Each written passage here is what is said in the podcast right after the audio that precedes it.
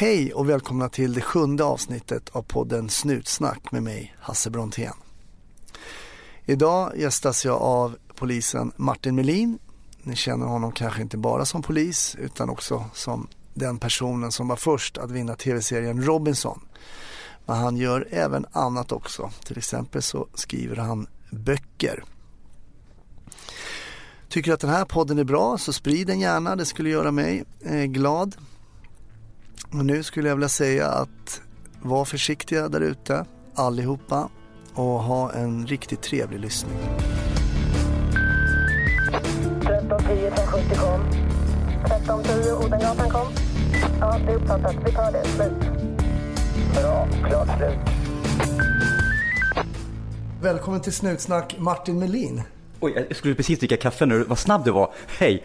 Snutkaffe Snutkaffe. finns även i Hasse Bronténs kök. Mm. Eh, Du behöver egentligen kanske ingen större presentation. Du är ju en polis som många känner till. Men kan vi ändå få en liten background story? När, när började du eh, Polishögskolan till exempel? Jag började Polishögskolan i januari 1991. Det är jävligt länge sedan. Ja, det är jättelänge sedan. Skit alltså. Ehm, då började jag Polisskolan. Och så gick jag Polisskolan i tre år, sen började jag på Norrmalmspolisen. Eller på den tiden var man ju ute redan som aspirant i ett och ett halvt år, så att man var ju ute ganska tidigt där. Sen jobbade jag på Norrmalmspolisen i tio år. Ehm, Sökte du dig till just Norrmalm? Ja, eller? jag sökte mig. Jag hade jobbat som ordningsvakt i, i, på NK Hamngatan innan och eh, hade ju träffat på Norrmalmspolisen. Eh, och sen var det ju alltså att Norrmalmspolisen var ju liksom the shit på den här tiden. Det var ju där man ville jobba. Det var de tuffa poliserna och det var liksom det tuffa distriktet och så. Och jag hamnade dessutom i den här, så kallade, den här beryktade A-turen, om man vill googla Norrmalmspolisen. Eh, med de här gamla baseballligan och det här. Just det. Så det var en ganska tuff eh, tillvaro dit jag kom. Det var en tuff jargong, otroligt tuff jargong. Eh, och där var jag på ordningen, eller IG som det heter idag, eller vad det nu kallas för. Och hade ett halvår också där jag jobbade på, eh, med dig. Mm. Inte din grupp, men jag jobbade med gatlangningsgruppen på knarket. Eh, och det är nog bland de roligaste jag gjort. Faktiskt, Ja, det halvåret. en- För mig också en väldigt rolig tid. Och jag, jag var ju på Norrmalm då när du, när du kom till. Men jag tror jag kan Jag var i D-turen. Vi var ju lite veka då. Vi var Mm. ju helt vanliga poliser. Anonyma. Åkte hämta snattare på Åhléns. Det var det vi gjorde. ja. Ja, men hade du, eh, hade du tankar sen, en, sen du var yngre att du ville jobba som polis? Eller? Nej, alltså jag skulle... Jag, egentligen inte. Jag började läsa historia på universitetet och skulle bli historiker som min pappa.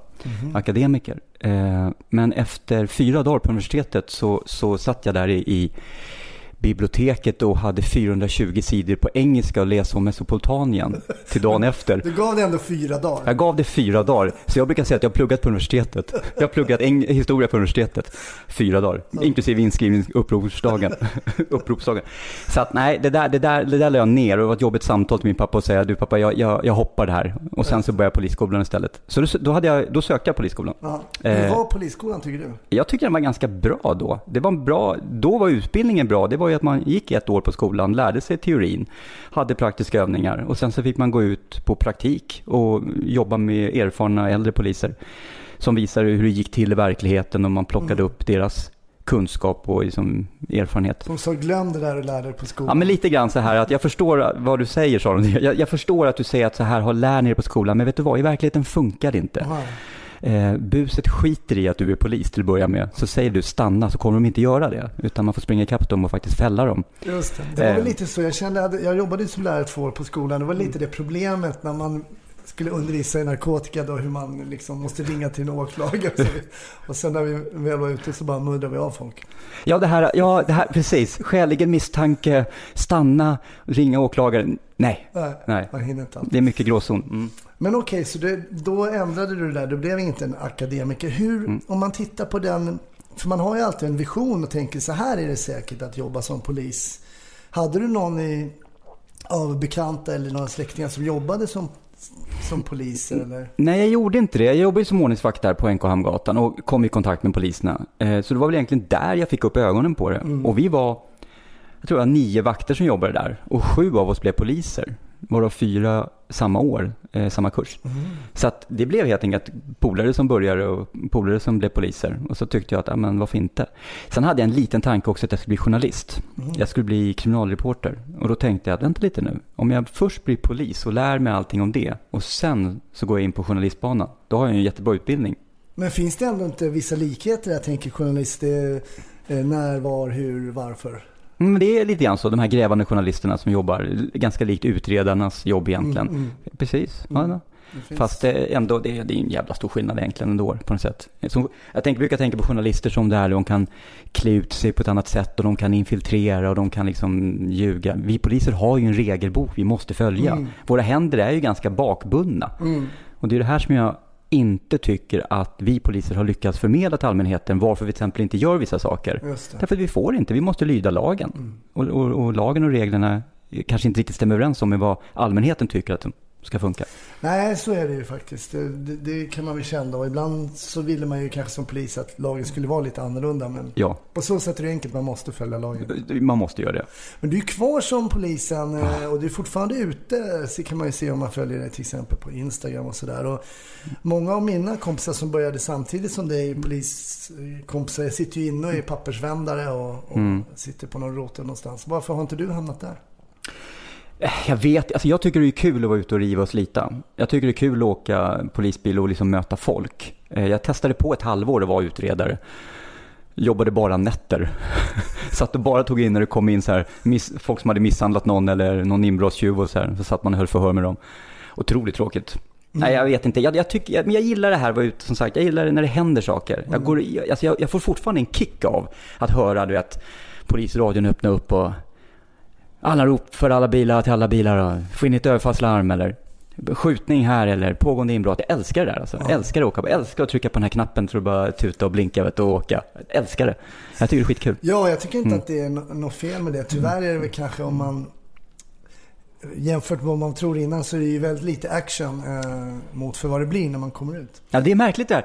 Jag brukar säga det ibland alltså. Nu har vi åkt fyra pass. Det är Stock, eller Sveriges huvudstad, Stockholm. Det bor ändå en och en halv miljon människor, två miljoner människor här. Vi har åkt fyra pass nu. Det har inte hänt någonting. Men jobbar du inne i stan? Ja, jag åker in i stan. Eh, sen har jag hela länet som jag jobbar med i kan man säga. Men i, jag, jag ligger inne i stan och snurrar kan man säga.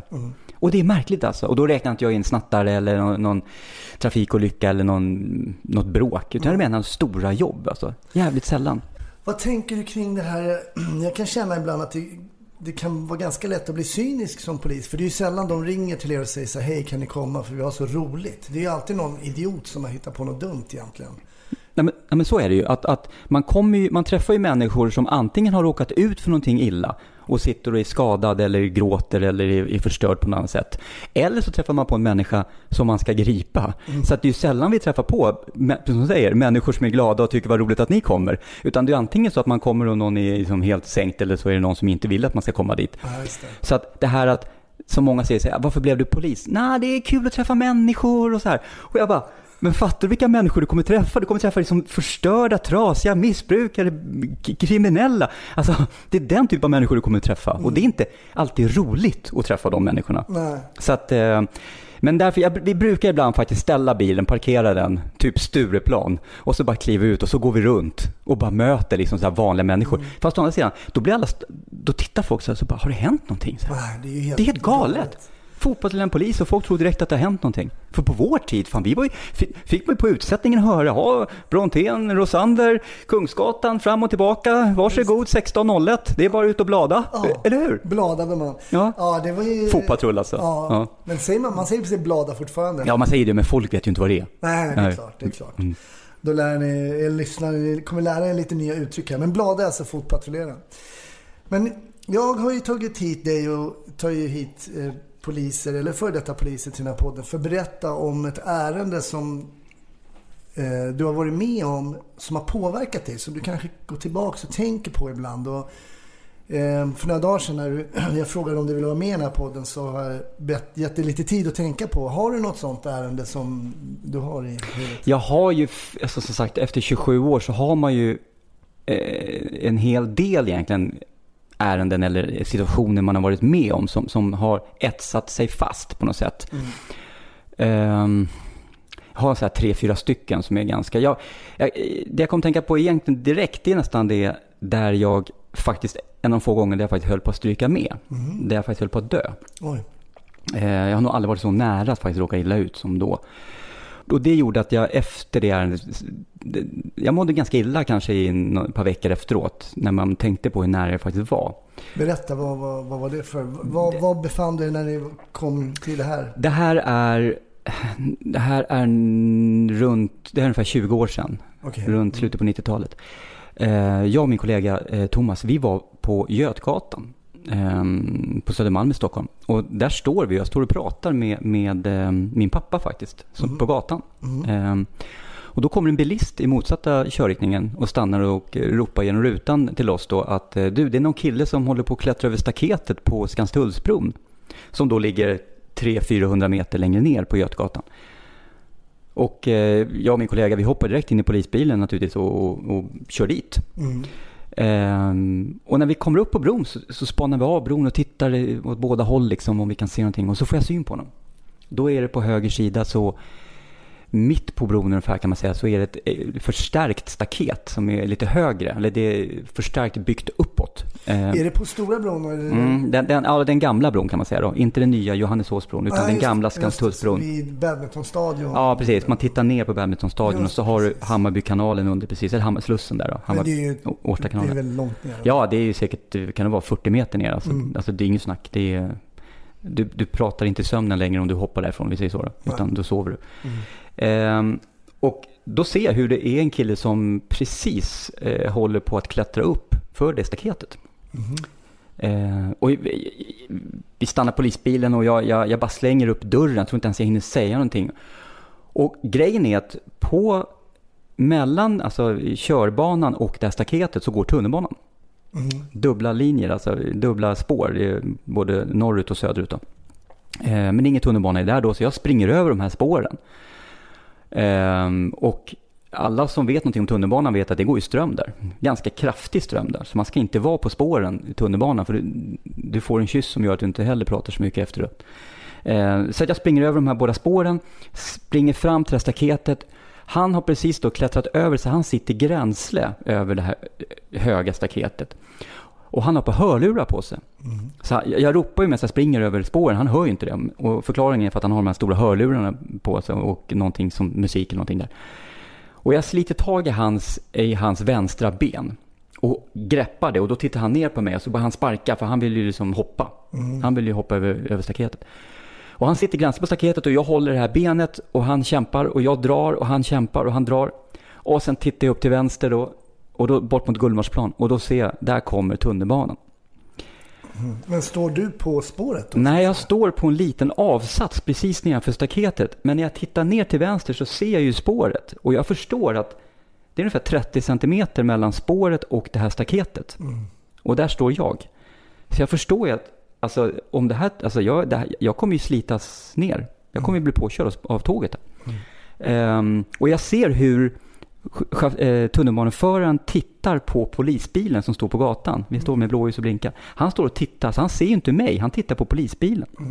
Och jag står och försöker vinka med min vänsterhand samtidigt som jag håller i det här benet då.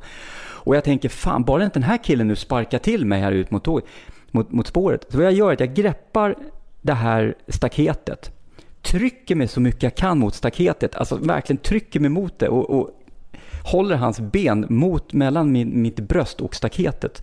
Och han sitter där och håller fortfarande på att kämpa och försöker ta sig över. Då.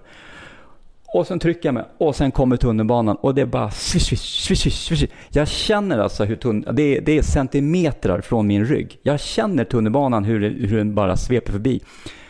Och, alltså, och man är rätt liten i den situationen kan jag säga. Och sen så eh, går tåget förbi.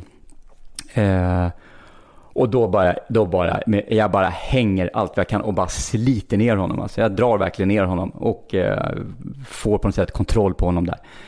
Och sen står jag i, jag ropar åt min kollega då att han ska eh, ringa tunnelbanan, vet, stanna trafiken och allting, vilket han gör.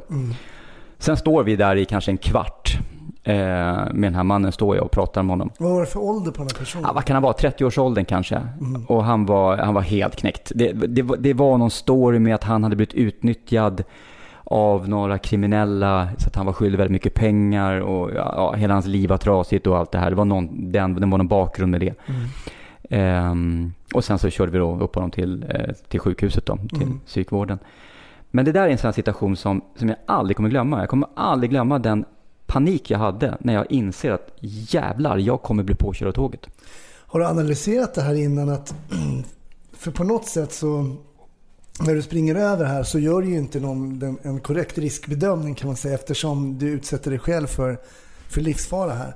Vad har du tänkt på det här efteråt? Och fick du någon, för jag kommer ihåg när jag var med om situationer som var riskfyllda efteråt så kom ju, det kom ju efteråt. Det är inte just när man gör det tycker jag som man känner kanske den här klassiska rädslan utan ofta när man landar i det. Hur kände du i det här ärendet och efteråt? Kom det något sånt?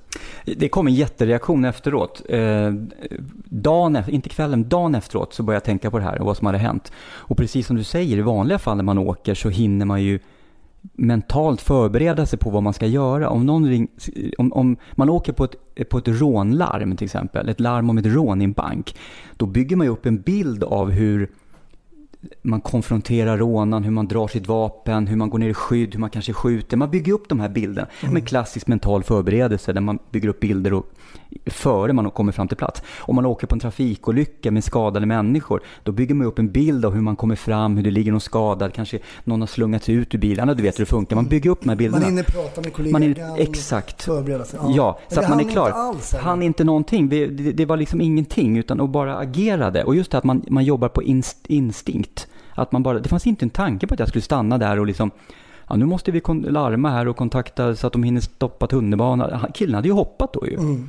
Eh, Så det, var, jag vet inte, men, jag tror jag tror att vi poliser jobb, jobbar så. Tror jag. Att vi, fan, vi vill ju hjälpa och, och, och det ingår någonstans då att men då tar vi en risk. Mm. Jag tror att det är så vi jobbar. Det, det, jag vet inte.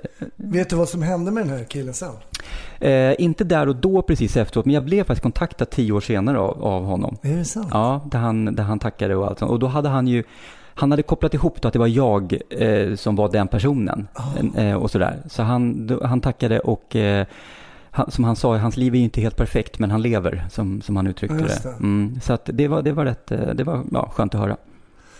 Ja, det är ju det är ju en fantastisk story eftersom ja, du antagligen räddade hans liv då. Mm. Som jag förstår. Han var verkligen på väg över och, och, och hoppa. Så, så är det ju. Och det, det är ju...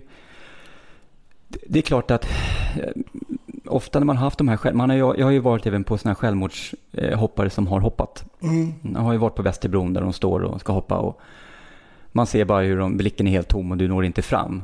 Och tar ett steg till så kommer de hoppa, därför står du och väntar och sen så plötsligt ser du hur de bara hoppar. Alltså det är ganska tufft. Det är tufft. Eller stå nere, stå på Stadsgårdsleden en gång också, en som var uppe på, eh, vad heter det, Mariaberget eller vad det heter där, ja, där uppe. Och jag ser hur, hur hon hoppar. Och det, alltså det, det är tufft alltså. Det är också tufft att se de här gångerna när det misslyckas. Men det, det, ja, det, är- en del av jobbet. Som sagt. Det är en del av jobbet och Mm. en del av många människors liv att de mår eh, väldigt dåliga. Och det är ju det man får möta ofta som, som, som polis. Folk som mår väldigt dåligt. Hade man någon form av debriefing på den här tiden? Jag vet att då slutet på 90 Mm. kanske, men hade du någonting? Fick du någon uppföljning från eh, arbetsgivaren som Mm. hjälpte dig med det här eller? Nej, vet, jag, jag fick faktiskt inte det. Och när jag tänker efter så undrar om inte det här var nästan mitten på 90-talet. Precis som du säger, innan debriefing redan hade kommit igång. För jag vet att det var med om en händelse sen eh, typ 99, där vi gick in i lägenhet och en man som hade skjutit sig själv genom munnen, men inte dött. Den kulan hade gått ut genom liksom över, eh, ja, ut genom kinden och satt i väggen och jag springer fram och, det, och tar vapnet ur handen på honom. Eh, också en sån här traumatisk händelse. Eh, då vet jag att därefteråt så samlades vi och man fick sitta och prata det här och alla inblandade och hur vi kände och hur vi mådde. Och de följde, ett uppföljning också sen ett par veckor senare. Så jag har varit med om det och sen har jag varit med i debriefing några andra gånger också, någon sån här eh, ja, traumatiska händelser. Men då tror jag inte att vi, eller jag, vet att vi inte fick det. Utan det, är ju, det var ju den här klassiska debriefingen där man snackar med kollegorna. Exakt vad jag tänkte säga. Ja. Att, eh, den har ju funnits liksom ändå för att man bollar ju allt sånt här i bilen eller på fikat och Ja. sådär. Och, och alla sjuka saker som folk är med om som man knappt tror är sanna. Men Ja, det, det, är- det är ju ganska sjukt egentligen det här att man, men ta till exempel det här med skjutningen, han som, alltså, på förmiddagen, åker på ett jobb, går in i en lägenhet, där ligger en man som precis har skjutit sig själv. Jag tar pistolen ifrån honom, konstaterar att han blöder väldigt mycket, ambulansen kommer, de åker därifrån. Vi åker in på polisstation, ja men skriver på rader en anmälan. Och sen åker man liksom typ till McDonalds och köper hamburgare. Alltså, och, och, och, och, och sen går livet vidare. Och det, är så här, och det där är det som inte glömt, men det, man tänker inte mer på det. Nej. Det är ju märkligt egentligen hur man, hur man är funtad. Det är ju också oerhört eh, intressant hur man snabbt man vänjer sig tycker jag. Mm. Att se saker som man inte är van att se. Och kan sen gå hem och lägger sig och sen går och käkar frukost. Ja, när man går sen på bio på, ja, man går på bio på kvällen liksom med någon polare och garvar och käkar popcorn. Och sen, ja men det det är som, eh, här, häromveckan här så hade vi, jag gjorde faktiskt min första eh, skarpa användandet av en sån här hjärtstartare. En Sån här, eh, ja, vet Mm. Just det, du, jag tror ja, att jag läste om ja. Precis, en kille som då ligger och har ingen puls och ingen andning. Han är i, i princip död. Mm. Och vi kör hjärtstartaren, trycker på, boff, han får den här stöten och får igång honom. Mm. Ja, det är häftigt. Det är helt sjukt. Och det är också så här, vi pratade om det efteråt, så här, vad konstigt, han, han, nu ska jag åka hem och liksom hjälpa min son med läxorna. Aha. Och det är så här, vardagen går vidare för oss.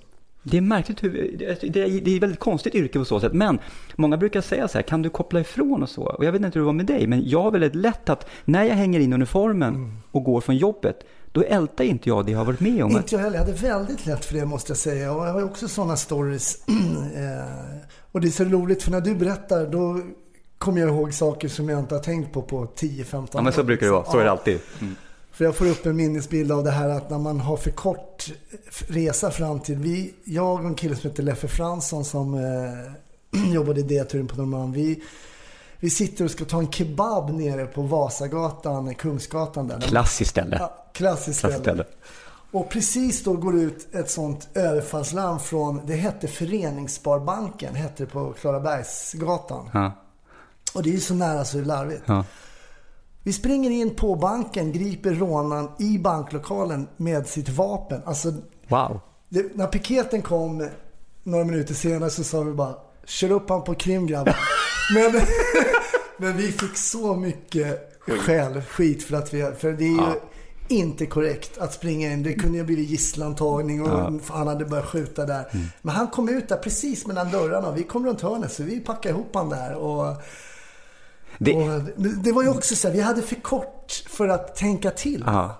Alltså, det, det är väldigt få poliser som har gripit bankrånare. Mm, på bar gärning. Ja, på bar bank. gärningen. Ja, exakt. Det är väldigt få som har gjort det. Jag, jag även liksom utanför. Alltså det, Ja, det är väldigt ytterst sällan man griper. Så det, fan, det är, jag tror jag kan räkna på min ena hand de gånger jag känner poliser som har gjort det. Du kan Så det är- eh, addera mig till den Så nu har jag listan. sex fingrar på min hand. Ja, ja häftigt. Det är Ja, coolt. så eh, det är jäkligt kul att man, man får upp de här gamla minnesbilderna. Men sen är det ju så, polisen är ju väldigt omskrivet yrke. Vi kan ju slå upp eh, tidningen och kolla på nätet så är det ju alltid diskussioner. Och det som fascinerar mig är att man sällan egentligen, många har så mycket åsikter kring polisen. Och till exempel i mitt nuvarande yrke som komiker så frågar man ju hellre någon sån här Excel-kriminolog som som Betnér eller Schyffert. Men man, Excel-kriminolog. jag vet inte, jag kom på det just nu. Jätteroligt. Eh, men man frågar ju sällan polis. Jag tycker idag att man man har ju skrikit ofta när man jobbar som polis att det finns problem och sen är det ju chef och ledningsproblem och sådär. Idag ser vi ju verkligen att, att det finns stora problem. Eh, hur tror du att, att man ska lösa just de polisiära problemen? Just samhällsproblemen är ju lite svårare men polisen är ju en del av det såklart. Men om vi tittar på de polisiära problemen idag så just nu, det är den 14 september 2017, så har det varit aktuellt med en 12-årig flicka som har blivit våldtagen och efter två månader, trots att hon har namngivit eh, den misstänkte, hon fortfarande inte förhörd. Alltså utåt sett för allmänheten, det här är en katastrof att få höra det här eh, för oss som inte jobbar som poliser nu. Hur kan det bli så här? Ja, men det är ju en katastrof även, även för poliser och jag kan fatta den frustrationen över de som ändå då ska jobba med det här. Men inser att vi har annat som faktiskt är viktigare och som är mer prioriterat. Därför både du och jag vet att om det sitter folk gripna, anhållna och häktade så måste man jobba med de ärendena för annars så måste de personerna släppas och då kan de utredningarna försvinna. Och att, tänk dig själv att vara då någon sorts rotelchef eller gruppchef och tvingas då göra de här prioriteringarna. Att vara den som måste välja. Jag är ledsen, den här våldtäkten lägger vi åt sidan därför vi måste jobba med det här istället. Sen kan, jag, sen kan man ju tycka vad man vill om den prioriteringen och jag menar, ingen av oss vet ju riktigt hur man har tänkt och varför man har gjort den prioriteringen. Men det är ju åt helvete rent ut sagt. Mm. Och det, det tycker nog de allra flesta poliser också. För att Jag är helt övertygad Ja, ja, ja. om att de allra flesta poliser tycker det också. Men, ändå, ändå har man gjort den prioriteringen. Mm. Och det är märkligt. Nej men för jag, tänker, jag, jag tänker tillbaka, och du får rätta mig om jag har fel, men det var ju mycket, man har rotelchefer, de var rotelchefer för sina rotlar. Ja. Och sen försöker de få det så bra som möjligt och man försöker jobba ner sina så kallade balanser, vilket då för er som inte har jobbat som poliser är då så att säga alla ärenden som ligger på hög. Ja. Och, Och sen pratar man inte med några andra och man hjälps inte åt över de här. Det är Nej, fortfarande så. Ja, jag tycker det är konstigt att det inte finns en mer eh, övergripande operativ ledning. Att det inte finns någon som kan konstatera att åh, nu har vi mycket stök i Åkersberga den här, de här, ett par helger här nu. Vi flyttar upp ett par gubbar och jobbar där på helgerna extra nu ett, ett tag. Eller oj, nu verkar de ha väldigt mycket att göra här i område syd med eh, skjutningar och till och med våldtäkter. Vi flyttar dit ett 20-tal utredare. Alltså jag, jag, jag förstår inte riktigt att det inte finns någon som har det här. Och det kanske är så att det gör det. Och då har vi ett jätteproblem när inte ens Polismyndigheten klarar av att göra de prioriteringarna. För jag är övertygad om att, i, att det sitter poliser och jobbar med liksom skitbrott. Jag är övertygad om att det sitter folk och utreder cykelstölder i princip. Olaga affischering. Ja men till exempel, jag lovar, det sitter poliser och utreder med sånt. Och då tycker jag att då är det ta mig fan någons skyldighet att flytta dem därifrån och sätta dem på istället att utreda en våldtäkt. Och sen kanske man kan säga att jag är inte proffs på att utreda våldtäkt. Nej, men det är bättre att någon gör någonting än att inte göra någonting alls. Så att jag hade velat sett en mer styrning från polisledningen på hur och var man ska använda resurserna. Men sen vet jag också, jag har pratat med ganska höga polischefer, jag pratat med rikspolischefen till exempel, och även andra höga polischefer i Stockholm, och de säger ju samma sak, att vi gör det bästa vi kan. Problemet ligger inte på polisledningsnivå, utan problemet ligger på politikernivå. Alltså det är bara att konstatera att man måste från politikerhåll förstå att polisen kostar pengar. Det, det, det, får, det, det kostar pengar. Sorry, vi måste ho- hosta in mer stålar. Det, är- jag, jag, det är obegripligt att man inte kan förstå det. Och den gamla regeringen, alliansregeringen, förstod ju inte heller det. Så att det här handlar inte om höger eller vänsterpolitik. Utan det verkar som politik, politiker, oavsett vad man tillhör för färg, så har man inte förstått att polisen kostar pengar. Nej, jag ser det. det. Det är kostsamt och det är också, jag menar om man ser på de stora ärenden som nu med skjutningar, folk skjuter varandra och det är gängbildningar. Det kostar resurser att utreda sånt. Så in i helsike. Och sen såg jag också nu häromdagen att, att Sverige är alltså det land i västvärlden där det skjuts mest människor. Just det, jag läste Det är helt galet. Och vi är ju större än Mexico City och Washington DC. Alltså det är alltså det, det land i världen där vi har mest skjutningar. Sverige. per capita då? Ja, per capita. Sverige. Det är helt galet. En av världens farligaste länder rent på, på så sätt. Sen vet ju både du och jag också att de som skjuts är ju inte så att säga oskyldiga människor. Utan det är ju det är internuppgörelser det här. Så att, Absolut, men det, det kommer ju en förlupen kula snart som Ja. dödar en fyraårig Ja. pojke eller flicka. Ja. Och då först så kommer vi få en otroligt engagemang. Men så länge eh, kriminella skjuter kriminella så tycker vi det. Men sen är ju det, alltså det drabbar ju alltid tredje man här. Jag menar, de här stora kriminella gängen tar åt sig massvis med resurser. Och nu kan vi ju se att den här tjejen då inte får sin eh, våldtäktsfall utrett därför det inte finns. Och så, den här stora kriminaliteten som händer med skjutningar, det drabbar ju oss. Våra ärenden blir ju inte utredda. men så är det ju. Så är det ju. det, det är ju såklart ett problem. Mm, klokt. Men nu ska vi byta ämne lite grann. Mm. För att eh, som jag nämnde tidigare så är ju polisen väldigt omtalade om man har åsikter om det. Men så kommer vi till snutfilmen. Mm, åh. Åh.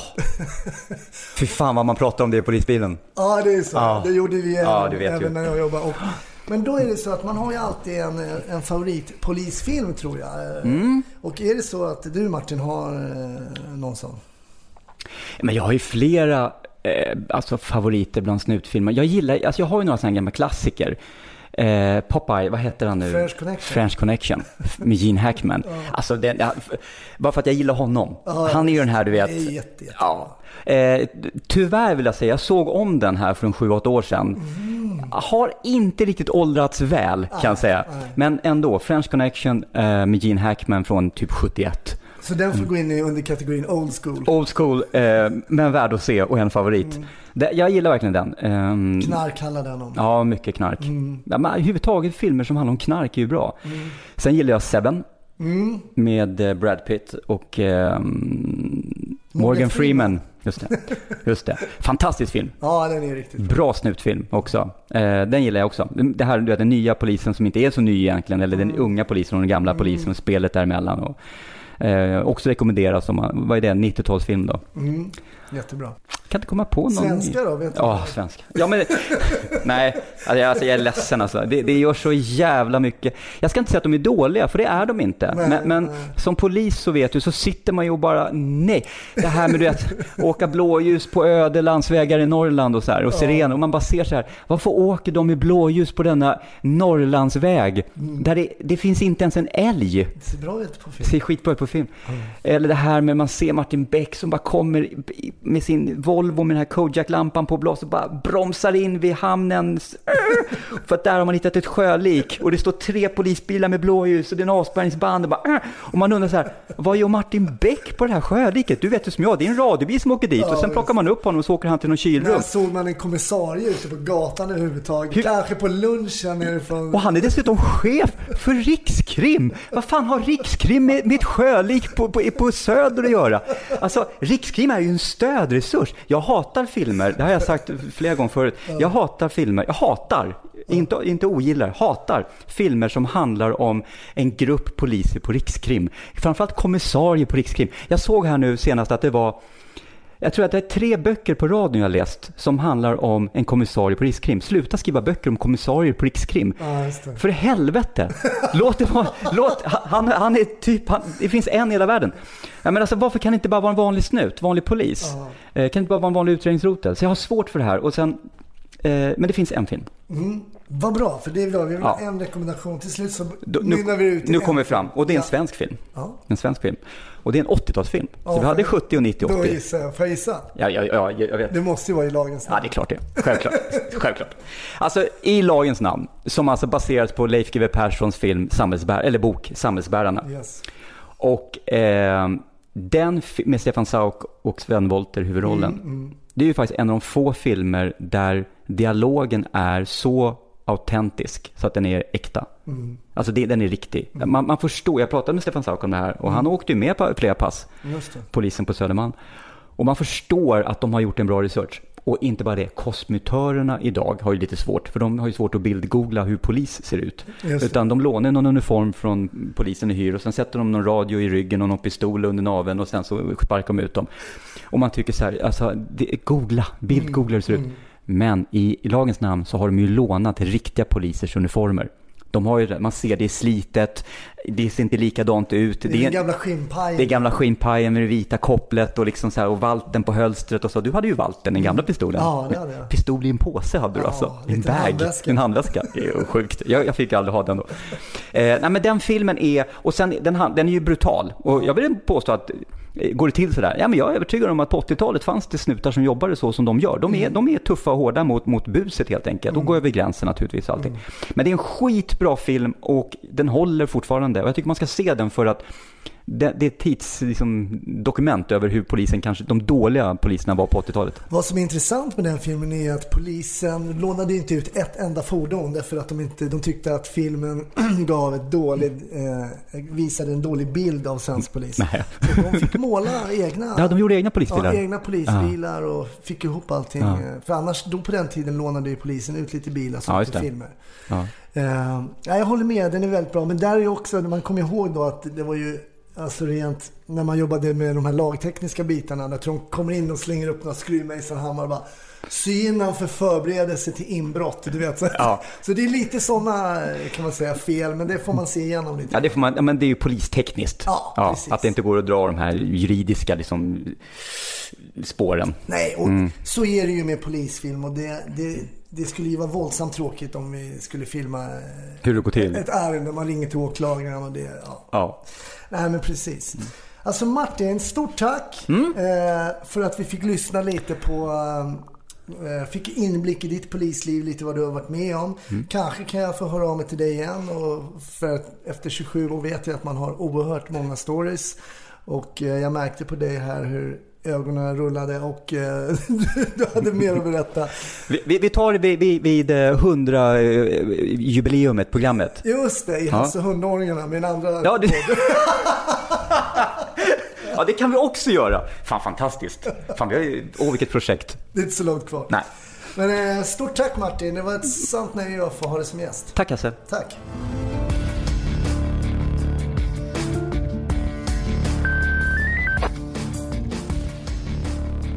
Tack för att du lyssnade på det här avsnittet av Snutsnack. Snutsnack finns på Facebook under just namnet Snutsnack och mig, Hasse Brontén, hittar du på eh, sociala medier, på Twitter, Instagram och Facebook under mitt eget namn, surprise, Hasse Brontén.